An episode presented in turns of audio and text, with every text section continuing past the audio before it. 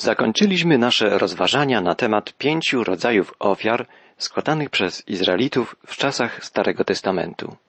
Czytaliśmy siedem pierwszych rozdziałów Księgi Kapłańskiej, czyli trzeciej Księgi Mojżeszowej.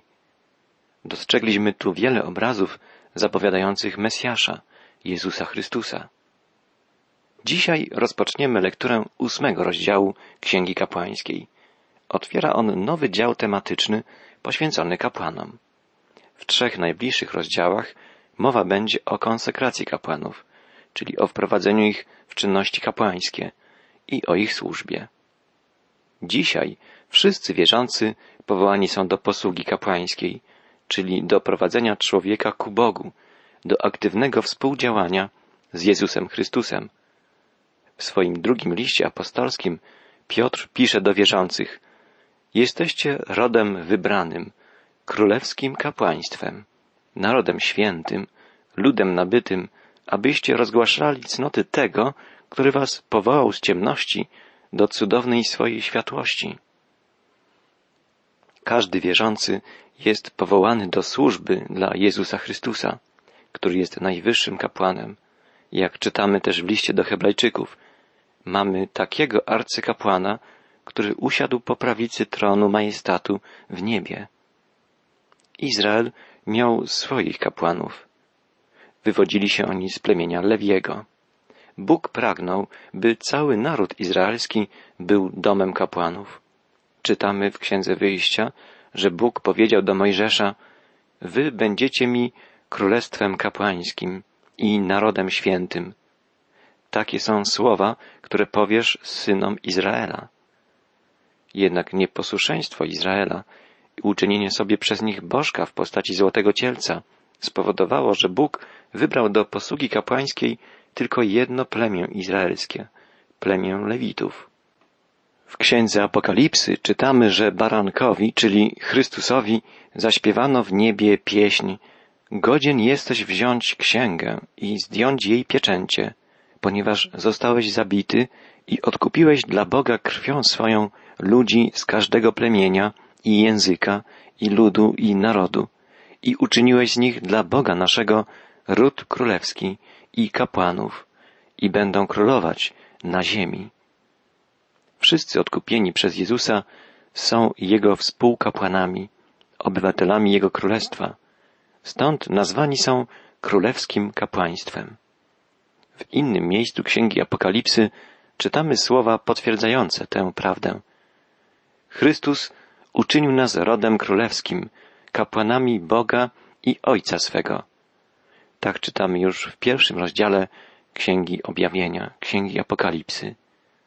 Wielu biblistów uważa, że po pochwyceniu Kościoła, czyli po pochwyceniu wszystkich wierzących przez Chrystusa, gdy nastanie tysiącletnie królestwo, naród izraelski będzie narodem kapłanów Boga. Kapłani okresu Starego Testamentu służyli wokół ołtarza, gdzie składano ofiary. Ołtarz całopalny był obrazem krzyża, na którym Chrystus dokonał dzieła zbawienia grzeszników. Odkupieni grzesznicy nie byli jednak i nie są doskonali. Przez całe ich życie trwa proces uświęcania. Kapłani izraelscy musieli obmywać się w kadzi z brązu, która stała na dziedzińcu namiotu spotkania. Był to nieustanny proces oczyszczania, obmywania, zapowiadający rzeczywistość uświęcenia w Chrystusie. W liście do Hebrajczyków czytamy Każdy arcykapłan, wzięty spośród ludzi, bywa ustanawiany z ramienia ludzi w sprawach odnoszących się do Boga, aby składał dary i ofiary za grzechy. Jest to krótka biblijna definicja kapłana. Kapłan jest kimś, kto reprezentuje człowieka przed Bogiem, zbliża się do Boga i zwraca się do Niego w imieniu człowieka. Pełni więc jak gdyby odwrotną funkcję w stosunku do funkcji proroka. Prorok reprezentuje Boga wobec ludzi i przemawia w imieniu Boga. Jezus jest zarówno prorokiem, jak i kapłanem. Przyszedł od Boga do nas i przemawiał w imieniu Ojca, objawił nam Boga Ojca. Po wykonaniu dzieła odkupienia powrócił do Ojca i jest teraz naszym arcykapłanem. Dziedziniec namiotu spotkania to obraz naszego ziemskiego świata. Tu Jezus został zabity, tu przelał swoją krew. Miejsce święte, znajdujące się wewnątrz przybytku, to obraz nieba. Tam przebywa teraz Chrystus jako najwyższy kapłan. Po swojej śmierci na krzyżu i po zmartwychwstaniu Jezus powrócił do nieba. Mamy więc wielkiego arcykapłana, który przeszedł przez niebiosa Jezusa, Syna Bożego. Czytamy w czwartym rozdziale listu do Hebrajczyków. A w dziewiątym rozdziale tego listu czytamy Chrystus, który się zjawił jako arcykapłan dóbr przyszłych, wszedł przez większy i doskonalszy przybytek, nie ręką zbudowany, to jest nie z tego świata pochodzący. W rozdziale ósmym listu do Hebrajczyków czytamy Główną zaś rzeczą w tym, co mówimy, jest to, że mamy takiego arcykapłana, który usiadł po prawicy tronu majestatu w niebie, jako sługa świątyni i prawdziwego przybytku, który zbudował Pan, a nie człowiek. A w zakończeniu dziewiątego rozdziału listu do Hebrajczyków czytamy Jest więc rzeczą konieczną, aby odbicia rzeczy niebieskich były oczyszczane tymi sposobami, same zaś rzeczy niebieskie lepszymi ofiarami aniżeli te. Albowiem Chrystus nie wszedł do świątyni zbudowanej rękami, będącej odbiciem prawdziwej, ale do samego nieba, aby się wstawiać teraz za nami przed obliczem Boga. Jak ważne jest, żebyśmy pamiętali o tej rzeczywistości duchowej. Naszą wiarę powinno budować to, co jest prawdziwe, co jest najistotniejsze, to, że Jezus przebywa teraz w niebie i że przebywa po prawicy Ojca, po to, żeby wstawiać się za nami, by zabiegać o nasze dusze, by troszczyć się o nasz duchowy rozwój. Nie ma już namiotu spotkania na ziemi. Miejsce święte i najświętsze znajduje się teraz w niebie. Drogi słuchaczu, znaczy to, że nie jesteśmy sami. Jezus przebywa u boku Ojca i troszczy się o to, byśmy żyli w ścisłej, osobistej więzi z Nim. Droga do Boga jest otwarta. W ósmym rozdziale Księgi Kapłańskiej dwunastokrotnie czytamy słowa Potem Pan powiedział do Mojżesza. Tak rozpoczyna się ten rozdział, a kończy się słowami Aaron i jego synowie uczynili to wszystko, co Pan nakazał im przez Mojżesza. Wszystko, co opisuje ósmy rozdział Księgi Kapłańskiej, stało się więc na wyraźne polecenie samego Boga. Czytamy. Potem Pan powiedział do Mojżesza, weź Aarona i jego synów, szaty, oliwę do namaszczania, cielca na ofiarę przebłagalną, dwa barany i kosz chlebów przaśnych, następnie zgromadź całą społeczność przed wejściem do namiotu spotkania. Bóg polecił Mojżeszowi udać się z Aaronem i jego synami na dziedziniec namiotu spotkania. Tam, u wejścia do przybytku, mieli oni zostać konsekrowani, czyli ustanowieni kapłanami. W prowadzeniu ich w czynności kapłańskie miał przypatrywać się cały lud. Uroczystość ta była niezwykła i doniosła. Bóg wybrał zwykłych ludzi do pełnienia szczególnej służby, do reprezentowania człowieka przed Stwórcą. W najgłębszym, rzeczywistym sensie służbę tę wykonuje sam Chrystus. W liście do Hebrajczyków czytamy w siódmym rozdziale Prawo ustanawia arcykapłanami ludzi, którzy podlegają słabościom, lecz słowo przysięgi, która przyszła później niż prawo, ustanowiła Syna doskonałego na wieki. Bóg ustanowił Chrystusa arcykapłanem na wieki. Wprowadzenie Aarona i jego synów w czynności kapłańskie było zapowiedzią służby Jezusa. Kapłani są ludźmi poddanymi słabościom, tak jak my wszyscy. Powinniśmy o tym pamiętać. Jest to przejawem Bożej łaski, że dopuścił On grzesznych ludzi do służby dla siebie. Dowodem Bożej łaski jest i to, że Pan powołuje wszystkich nas, wierzących, do powszechnej służby w Jego Kościele. Czytamy dalej, Mojżesz uczynił tak, jak mu Pan rozkazał i społeczność zgromadziła się przed wejściem do namiotu spotkania. Potem Mojżesz powiedział do społeczności, oto co mi Pan kazał uczynić. Mojżesz uczynił tak, jak mu polecił Bóg. Przyprowadził Arona i jego synów przed wejście do namiotu spotkania, przyniósł szaty, oliwę do namaszczania i kosz przaśnych chlebów, doprowadził tam też cielca i dwa barany i zgromadził cały lud. Uroczystość rozpoczął od wyjaśnienia wszystkim zebranym, że postępuje według polecenia Boga, zgodnie z jego instrukcjami. Wtedy Mojżesz kazał się przybliżyć Aaronowi i jego synom i obmył ich wodą. Mojżesz obmył Aarona i jego synów wodą. Kadź z wodą stała u wejścia do namiotu spotkania. Kapłani musieli być obmyci, bo to obrazuje oczyszczenie, uświęcenie potrzebne w służbie dla Boga. Kapłani składali ofiary na ołtarzu całopalnym, również ofiary za swój grzech. To obrazowało przyjęcie przebaczenia i zbawienia danego grzesznikowi w Chrystusie. Jednak, by służyć Bogu, musieli być jeszcze obmyci, oczyszczeni. Wielu współczesnych chrześcijan uważa, że ponieważ dostąpili przebaczenia i zbawienia w Chrystusie, są uprawnieni do służenia Bogu. Owszem, przyjęcie Bożego przebaczenia, pojednanie się z Bogiem jest czymś najistotniejszym, ale by owocnie Bogu służyć, trzeba poddać się procesowi oczyszczania, uświęcania. W liście do Tytusa czytamy, że Chrystus zbawił nas nie dla uczynków sprawiedliwości, które spełniliśmy, lecz dla miłosierdzia swego przez kąpiel odrodzenia oraz odnowienie przez Ducha Świętego.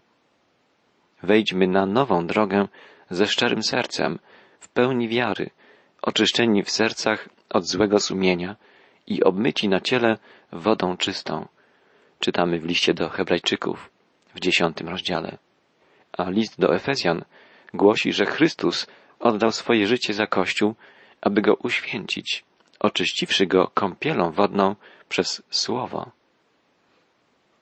Kościół, czyli wszyscy wierzący, jeśli chcą służyć Bogu, muszą być przez Niego oczyszczeni, uświęceni. Jak dokonuje się oczyszczenie serca człowieka pragnącego służyć Bogu? Poprzez Boże Słowo.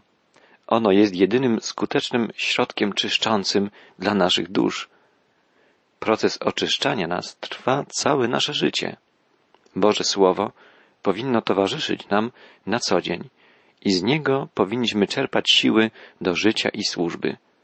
Boże Słowo, zawarte w Biblii, ożywione przez Ducha Świętego, powinno przemieniać nasze serce, nasz umysł, tak żebyśmy umieli rozróżnić, co jest Bożą wolą, co jest dobre, co jest miłe i doskonałe. Boże Słowo powinno gościć na naszych ustach. Boże myśli powinny stawać się naszymi myślami. Pan Bóg poleca nam, będziesz moje słowa wpajał w Twoich synów i będziesz o nich mówił, przebywając w swoim domu, idąc drogą, kładąc się i wstając. Będą jak przepaska między Twymi oczyma. Wypiszesz je też na odrzwiach Twojego domu i na Twoich bramach. Te słowa pochodzą z piątej księgi Mojżeszowej, księgi powtórzonego prawa. Bóg skierował je do swego ludu. Kieruje również je do nas, dzisiaj. Jego słowo może przemieniać nas i następujące po nas pokolenia. Jedynie Boża mądrość może zainspirować ludzkość do czynienia dobra, może uzdolnić ją do rozwiązania wielu nabrzmiałych problemów współczesności. Aby proces oczyszczania naszych serc mógł trwać i rozwijać się, musimy być przede wszystkim szczerzy względem Boga. Musimy wyznawać Mu wszystko to, co czujemy, przepraszając Go za błędy. Jeśli będziemy wyznawać Bogu wszystkie swoje grzechy, Bóg nam je przebaczy i oczyści nas z wszelkiej nieprawości. Jest to Jego obietnica, zapisana w pierwszym liście apostoła Jana. Czytamy dalej w Księdze Kapłańskiej, że po oczyszczającym obmyciu Mojżesz ubrał Arona w tunikę. Ubrał go w tunikę, opasał go ozdobnym pasem, włożył na niego wierzchnią szatę, na niej umieścił jeszcze efod, opasał go przepaską efodu i przymocował go nią. Aaron został najwyższym kapłanem. Jego ubiór jest obrazem cech rzeczywistego arcykapłana, Chrystusa, obrazem Jego chwały i mocy. Każdy element ubioru najwyższego kapłana ma symboliczne znaczenie. Możemy wyszczególnić osiem części ubioru arcykapłana. Cztery z nich były także elementami stroju zwykłych kapłanów. Cztery wyróżniały kapłana najwyższego. Cztery elementy ubioru wszystkich kapłanów to tunika, ozdobny pas, mitra, czyli zawój okrywający głowę i spodnie. Wszystkie te elementy ubioru kapłanów zrobione były z białego lnu, z wyjątkiem mitr, przypominających turban. Biały len symbolizuje prawość. Każdy wierzący jest okryty prawością Chrystusa. Jest to podstawowy wymóg, by móc służyć Bogu. Trzeba być okrytym Bożą sprawiedliwością. Trzeba przyjąć Boże usprawiedliwienie zaoferowane nam w Chrystusie. Każdy kapłan, aby służyć, musiał być ubrany w tunikę i przepasany pasem. Były to dwa podstawowe elementy ubioru kapłanów.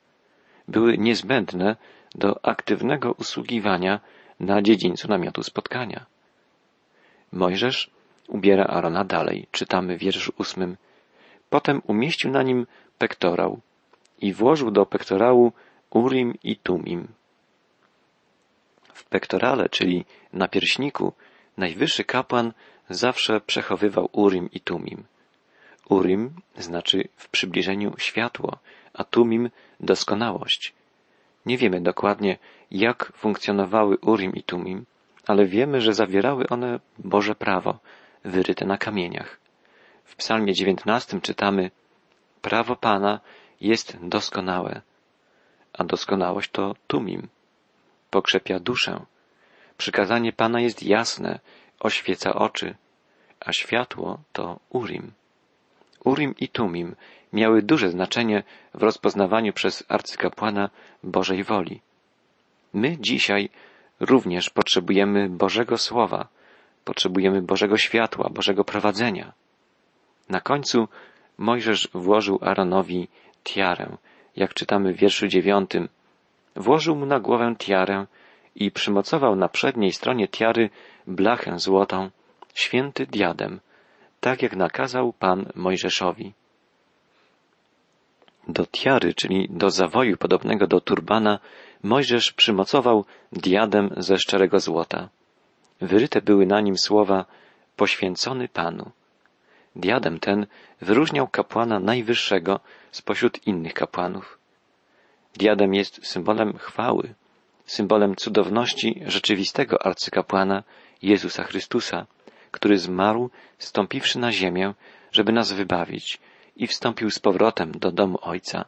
Przebywa teraz po prawicy Boga i troszczy się o nas, o nasze dusze, o nasze uświęcenie. Wiemy ze szczegółowego stroju arcykapłana, o którym mówiliśmy rozważając drugą księgę mojżeszową, czyli księgę wyjścia, że arcykapłan nosił na ramionach dwa kamienie z wyrytymi na nich imionami plemion izraelskich. Imiona sześciu plemion na jednym naramienniku i sześciu następnych na drugim. Na pektorale, czyli na pierśniku, przymocowanych było z kolei dwanaście drogocennych kamieni, na których również były wyryte pojedynczo imiona dwunastu plemion Izraela. Na swoich ramionach i na piersi arcykapłan nosił więc niejako imiona całego ludu. Ramiona mówią o mocy, pierś mówi o miłości. Jezus Chrystus zna imiona swoich, tych, którzy do Niego należą. Kocha tych, którzy Mu się powierzyli i troszczy się o nich. Nosi ich na swoich ramionach i na swojej piersi. Jezus ma moc, by chronić i prowadzić wierzącego przez życie, tu i w wieczności.